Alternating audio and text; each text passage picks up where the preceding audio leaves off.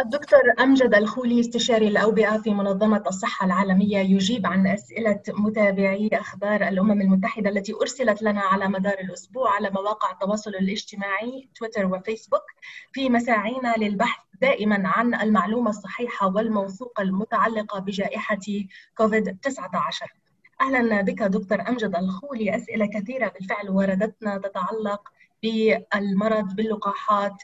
بالاجراءات إجراءات السلامه لنبدا باللقاحات المتاحة الآن والمرشحة لكوفيد 19 أحد المتابعين يسأل أي اللقاحات أكثر امانا خصوصا مع تعددها وتعدد التكنولوجيا المستخدمة لكل لقاح. في البداية أشكرك أستاذ شيرين على المبادرة إن إحنا نبدأ نجاوب على تساؤلات الناس. وخاصة إنه في أكثر من وسيلة أو في معلومات كثيرة مغلوطة بيتم تداولها على وسائل التواصل الاجتماعي فهتكون فرصة كويسة لتوضيح بعض الحقائق. ودايما منظمة الصحه العالمية لما نتحدث نتحدث عن حقائق مبنية على معلومات وعن أدلة. بخصوص اللقاحات كما أشار السائل هناك الكثير من اللقاحات بيتم الحديث عنها لكن مهم جدا نوضح إن اللقاح لابد أن يمر بعدة مراحل من التجارب. في ثلاث مراحل أساسية لابد أن يمر بها التجارب على البشر المراحل الكلينيكية أو المراحل السريرية. حتى يتم اعتماده أو يتم استخدامه لابد من مرور بهذه الثلاث مراحل وقياس فعاليته ومأمونيته. حتى الآن عدد قليل جدا اللي انهى المرحلة الثالثة رسميا هناك لقاح ثلاث لقاحات انهوا المرحلة الثالثة تماما وهناك لقاح رابع يقال أنه في الطور الأخير من انهاء المرحلة الثالثة. ما يتم الآن هو دراسة مأمونية وفعاليه هذا اللقاح من قبل منظمة الصحة العالمية لتحديد مأمونية وفعاليته. من الصعب جدا القول ايهما أفضل. الحقيقة المأمونية والفعاليه بتختلف من لقاح لآخر لكن مهم جدا ندرك أن المأمونية تعتبر مرتفعة جدا في كل اللقاحات التي أنهت المرحلة الثالثة الاختلاف يكون في الفعالية وبالطبع اختيار الدولة للقاح الذي سوف يتم استخدامه سوف يكون مبني على فعالية هذا اللقاح بالإضافة إلى توافر البنية الأساسية اللوجستية كدرجة التبريد وسبل نقل اللقاح. حاليا كما أشرنا هناك أربع لقاحات. أحدهم أرسل كافه البيانات إلى منظمة الصحة العالمية للاعتماد وتم اعتماده الحقيقة من أكثر من جهة علمية وبدأ بشكل فعلي وعملي استخدامه في عدد من دول العالم. باقي هذه اللقاحات ما زالت تجري بعض التجارب. بعض اللقاحات التي أنهت في انتظار إرسال كافة التفاصيل للإعلان عن فعاليتها ومؤمناتها بناء على ذلك. نعم. سؤال آخر يتعلق بأخذ اللقاح أحد المتابعين يسأل هل سيكون إجباري؟ الحقيقة صعب جدا هو وضعه إجباريا ولكن بالطبع لكل دولة التشريعات والقوانين الخاصة بها لكن دائما إحنا لا نحبذ فكرة إجبارية اللقاحات ولكن في بعض الأحوال قد يتطلب ممارسة بعض المهن كالمهن الطبية. في بعض الأماكن طبعا أتحدث بشكل عام قد تقوم بعض الدول بفرض شرط لممارسة بعض المهن خاصة المهن الطبية وتقديم الخدمة للمرضى أن يكون الشخص حاصل على هذا اللقاح. قد تكون بعض الدول بعد ذلك في باشتراط السفر إليها بوجود هذا اللقاح. فمرة أخرى هناك فرق بين الفرضية والإجبارية التي سوف تلزمها الدول على مواطنيها وبين بعض الاشتراطات الخاصه ببعض المهن أو بعض السفر أو بعض المشاركة في بعض الأفعال هذا قد يكون أمر وارد تطبيقه ومقبول علميا إنه لتقليل فرص انتشار المرض. هناك من يعبر عن خوفه من هذه اللقاحات ومن أي أعراض جانبية، ماذا تقول لهم؟ الحقيقة هذا تخوف مفهوم ومقبول ولكن الحقيقة لابد القول أن هذا التخوف ظهر مع كل لقاح. ولقاح الخاص بكوفيد 19 ليس هو اللقاح الأول في تاريخ البشرية. هناك كم كبير عشرات اللقاحات ظهرت وأثبتت فعاليتها. بالرغم من تخوف الناس وخاصة في بداية استخدامها. وبالتالي التخوف الذي نواجهه الآن تم إظهاره من قبل عند استخدام اللقاح الخاص بشلل الأطفال، اللقاح الخاص بالحصبة، بالدفتريا وغيرها من الأمراض. وبالتالي تخوف إنساني مقبول ولكن مهم جدا معرفة أن لا لا يمكن قبول اللقاح أو اعتماد اللقاح من قبل منظمة الصحة العالمية أو من قبل الجهات العلمية المعتبرة بدون التأكد بشكل كامل عن مأمونية هذا اللقاح. إذا تم اعتماده من قبل هذه الهيئات فبقول للسائل اطمئن تماما أن لا يمكن التهاون في مسألة مأمونية أو فعالية اللقاح. إحنا بنواجه طفرة بشرية و علمية كبرى استطاعت أن تنجز هذا اللقاح في فترة زمنية بسيطة ولكن لن يكون هذا على الإطلاق على حساب مأمونية أو فعاليه اللقاح. بالنسبة للطفرات وقد ذكرت نحن نمر بتطورات وطفرات لكن الآن المتغير الجديد وكثير من الأسئلة أيضا ترددت عن هذا تغير الفيروس هل اللقاح فعال في محاربة الفيروس المتغير؟ الإجابة القصيرة نعم. حتى الآن لا يوجد أي دليل علمي أن الطفرة الجديدة أثرت على فاعلية اللقاح أو فرصة استجابة الفيروس للقاح. وبالتالي الإجابة نعم حتى الآن لا يوجد أي دليل ينفي هذه الحقيقة. دكتور أمجد بالنسبة لهذا المتغير يعني كيف يقال انه ينتقل بسرعة وينتشر أسرع من من سابقه ماذا يعني ذلك؟ هل يعني أنه يطير أسرع في الهواء، يبقى أكثر جزيئاته تبقى أكثر في الهواء؟ أنا بشكر السائل حقيقة على هذا السؤال لأنه في خلال الأيام القليلة الماضية ظهر هذا تم الإعلان عن هذا التطور الجديد في المملكة المتحدة وفي جنوب أفريقيا وظهر أن هذا التغير الخاص خاصة في المملكة المتحدة وبعد كده في جنوب أفريقيا بالطبع بيؤثر على سرعه الانتشار. إحنا مهم جدا نبقى عارفين أن الفيروس عبارة عن حامض نووي أو تركيبة جينية بتحمل الصفات الوراثية للفيروس ومغلفة بغلاف بروتيني، هذا الغلاف البروتيني يحتوي على عدد من النتوءات أو البروزات البروتينية. التغير اللي حصل غير في شكل هذه النتوءات. جعلها بتدخل الخلايا البشرية بشكل أكثر سهولة. وبالتالي إذا كان الشخص التقط الفيروس والفيروس لم يكن قادرا أن يخترق الخلايا فهو لن يمرض ولن يظهر عليه أعراض ولن يكون ايجابيا حتى بالمسح. سوف يموت الفيروس إذا لم يدخل الخلايا البشرية. ما حدث من هذا التغير جعل الفيروس أكثر سهولة أن يدخل الخلايا. وبالتالي لو كنا نتكلم في السابق على على سبيل المثال 10% من الأشخاص الذين يتعرضون للفيروس هم من يستطيع الفيروس دخول خلاياهم وبالتالي تظهر عليهم أعراض. هذه النسبة ارتفعت ارتفعت بنسبة 70% 70% معناها بدل ما كان 10% أصبح 17% بالطبع رقم كبير بشكل كبير مؤثر بيحتاج مزيد من الإجراءات.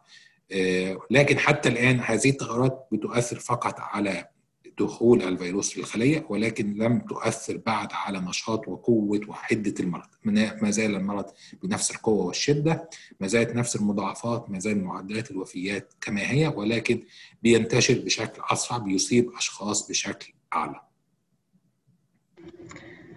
ودكتور هناك من يسأل عن اللقاحات مرة أخرى. ما هي مدة مفعول اللقاح في الإنسان؟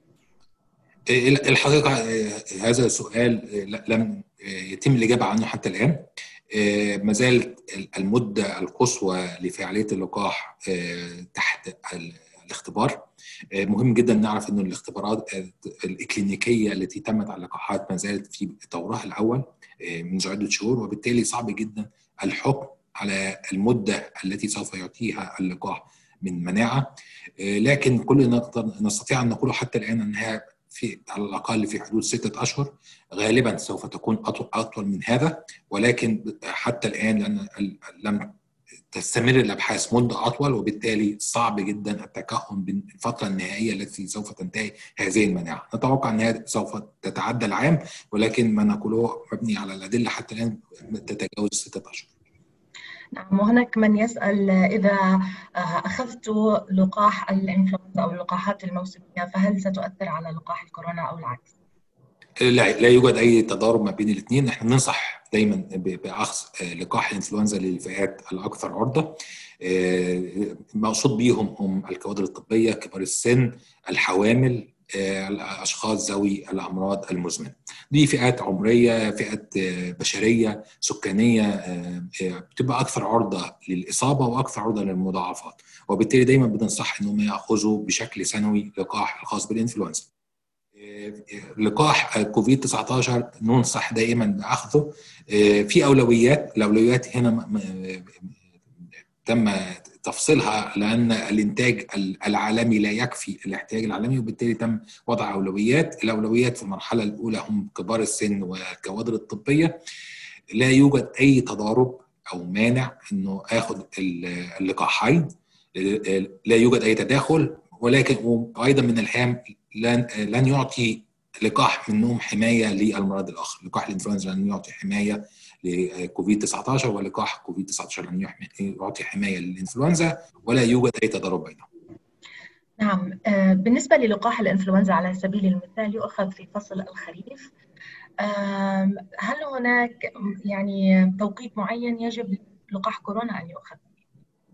لا الإنفلونزا لها وضع خاص إنه فيها موسمية واضحة بالإضافة إنه كل عام هناك مجموعة من الفيروسات بتكون أكثر انتشارا من فيروسات أخرى. الإنفلونزا ليس فيروس وحيد هي عائلة كبيرة. لما بنتكلم عن الانفلونزا إحنا بنتكلم عن عائلة تحتوي مئات الأفراد. بيتم اختيار اللقاح الخاص بالإنفلونزا كل عام بناء عن السلالات أو الأنواع الأكثر انتشارا من عائلة الإنفلونزا يحتويها هذا اللقاح. وبالتالي ينصح باستخدامه بشكل سنوي وبشكل في فصل الخريف نهاية الخريف قبل بداية موسم الشتاء وهذا هو الموسم انتشار الإنفلونزا.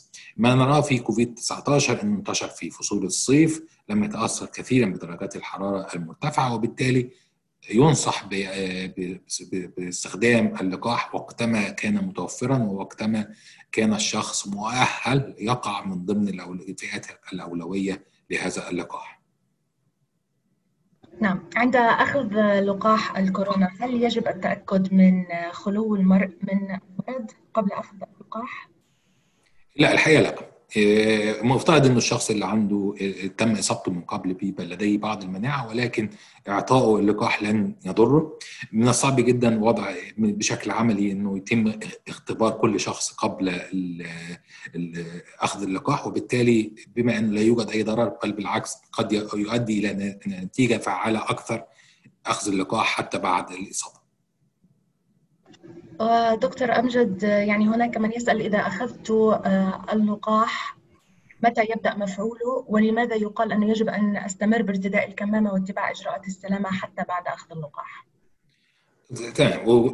وده من ضمن الأسئلة الهامة جدا الحقيقة. أول حاجة متوقع أنه في خلال أسبوعين بيبدأ اللقاح في الفعالية بشكل كبير. الجسم بيحتاج فترة زمنية تتراوح من أسبوع لأسبوعين قد تمتد أكثر قليلا طبعا بتختلف من شخص لآخر على حسب قوة جهاز المناعة في إنتاج الأجسام المضادة وبالتالي الفترة الأولى بعد أخذ اللقاح متوقع إن يكون الشخص معرض للإصابة. ده سبب من أسباب إن إحنا بنطالب دايما بالالتزام بالإجراءات الاحترازية من استخدام الماسك أو غطاء الفم والأنف كمامة أو التباعد البدني. الشيء الآخر اللي بسببه إحنا بنتكلم إنه اللقاح لن يكون حلا سحريا ولن يكون بديلا فوريا عن الإجراءات الاحترازية أنه كما نعلم جميعا أنه لا يوجد لقاح بفاعلية أو أي علاج بفاعلية 100% دائما هناك نسبة من الأشخاص لأسباب وراثية لأسباب غير معلومة لن يكونوا قادرين على إنتاج الأجسام المضادة. وبالتالي لا نعلم جيدا إذا كنت أنا طرف من فرد من هذه المجموعة ام لا وبالتالي لابد الأخذ في الاعتبار. الجزء الآخر أن طالما هناك أشخاص ما زالوا لم يطعموا بعد والنسبة المطعمين والذين لديهم مناعة هي نسبة قليلة الفرصة انتقال المرض ما زالت عليه. ننصح دائما أن نستمر في هذه الإجراءات إلى أن نصل من درجة التمنيع المجتمعية عالية جدا وبالتالي الكل سوف يكون في أمان وممكن في هذا الوقت فقط أن نقلل من الإجراءات الاحترازية. نعم وبالتأكيد لدينا طائفة أخرى من الأسئلة حول المناعة سنتطرق إليها لكن قبل ذلك عن اللقاح مرة أخرى شخص يسأل كم ثمنه وهل سيتاح لجميع الفئات هناك تخوف بالتأكيد من قبل الكثيرين خاصة في الدول منخفضة ومتوسطة الدخل. في اللقاح الذي تنتجه الشركات بيكون له سعر محدد. غالبا حتى الآن ما تقوم به ما يقوم بشراء هذا اللقاح هي الدول وليس الأفراد. وهنا نبدأ نبص على مستوى الدول. حتى الآن لم يتداول في الأسواق ليشتريه المواطن العادي. حتى الآن ما زال يتم استخدامه بشكل مجتمعي بتوفره الدول التي قامت بالشراء. يعني بنتكلم على عدد من الدول بدأت بالفعل. هذه الدول قامت بالشراء المباشر للقاحات وتقوم بإعطاء هذا اللقاح لمواطنيها بناء عن أولوية وخطة بالمجان. إلى أن يتم تواجده في الأسواق دي هيبقى في وقت وما أعتقدش إنه هيكون عنصر تجاري على الأقل في المرحلة الأولى لأن معظم الانتاج سوف يكون إنتاج بشكل إنساني. بخصوص طبعا التخوف من حصول الدول الأكثر احتياجا أو الأقل دخلا على حصتها كاملة من اللقاح هذا كان شغل منظمة الصحة العالمية وشغل شاغل المؤسسات الدولية والجهات المسؤولة عن اللقاحات مؤسسة جافي الجهة الأكثر اهتماما ومسؤولية عن توفير اللقاحات بالإضافة لليونيسيف وغيرها من منظمات الامم المتحده الحقيقة منذ شهر إبريل يعني بعد عدة أسابيع فقط من اكتشاف الجائحة تم عمل ما يسمى بكوفاكس منصة خاصة لضمان وصول اللقاح بشكل عادل لجميع السكان. هذه المنصة وهذا المرفق مرفق كوفاكس يهدف إلى توفير اللقاح ل 2 مليون 2 مليار شخص في كافة دول العالم في خلال عام 2021 وتم توفير جزء كبير من خلال هذا المرفق من اللقاحات سوف يتم توزيعها بمجرد اعتمادها من منظمة الصحة العالمية. الهدف دائما هو الحقيقة خاصة بأي جائحة أن الجميع في خطر طالما هناك أحد في خطر. نعم وعطفا على ذلك يعني هناك أيضا من يسأل عن النطاق الزمني لتلقيح أكبر عدد من سكان الأرض. هو المتوقع إن إحنا مستهدف في المرحلة الأولى حوالي 20% من من السكان بالطبع المنظمة منظمه الصحة العالمية بالإضافة إلى جافي وغيرها من الهيئات الدولية بتستهدف بشكل أساسي دعم الدول الاقل دخلا اللي لن تستطيع الشراء المباشر الدول التي تستطيع الشراء المباشر ستقوم بذلك لكن بنستهدف في خلال النصف الأول من عام 2021 بتغطية 20% من السكان ال 20% محسوبة بشكل تقديري لتغطية كافة الكوادر الطبية المتعاملين مع المرضى خط الدفاع الأول بالإضافة إلى كبار السن. وهل فعلا إجراءات التخزين وتوزيع اللقاحات قد تعيق من هذه العملية ومن سرعة توزيع اللقاحات؟ الحقيقة ده أحد التحديات الكبرى إنه بعض اللقاحات بتتطلب درجات حرارة شديدة الانخفاض لكن المبشر إنه في لقاحات أخرى لا تتطلب مثل هذه الإجراءات الشديدة وبالتالي توزيع اللقاحات على الدول سوف يعتمد على البنيه الأساسية لكل دولة الطبيعة اللوجستية وتوافر اللوجستيات الخاصة لكل لقاح. لكن بالطبع هي أحد التحديات لكن لن تكون معيق كبير لأنه يعني الحمد لله خلال الفترة السابقة كان هناك عشرات اللقاحات تحت التجربة. متوقع إن هيصل للمرحلة النهائية ويتم اعتماده عدد من اللقاحات. ده هيعطي بعض من الخيارات للدول للاختيار أو مع منظمة الصحة العالمية وجهات لاختيار اللقاح المناسب لكل دولة حسب البنيه التحتية الموجودة بها. دكتور أمجد الخولي هناك من يسأل عن كوفيد 20 ليس 19 20 يعني بالتأكيد أيضا في محاولة للبحث عن المعلومة الصحيحة ماذا تقول لهم؟ هو الحقيقة يوجد ما يسمى كوفيد 20 هو كوفيد هو اختصار ل coronavirus disease 19 للعام الذي ظهر فيه هذا الفيروس. لم يظهر فيروس جديد في 20 ليتم ليتم تسميته بكوفيد 20 كل ما ظهر هي سلالة نمط جديد من نفس الفيروس من نفس العائلة له نفس الخصائص الجينية. ليس فيروس جديد يستطيع الجسم حتى الآن التعرف عليه من خلال الأجسام المضادة لديه لو كان سبق الاصابة بالمرض من قبل أو أخذ اللقاح الخاص بكوفيد 19 وبالتالي ما نتحدث عنه ليس فيروس جديد ولكنه نفس الفيروس كوفيد 19 ولكن حصل عليه بعض التعديلات من الشكل الخارجي. أتاحت له فرصة انتشار أكبر ولكن ما زال نفس الفيروس وبالتالي لا يوجد ما يسمى بكوفيد 20 ونتمنى بالطبع لا يحدث لا كوفيد 20 ولا 21 لكن حتى الآن لا يوجد أي فيروس جديد اكتشف في هذا العام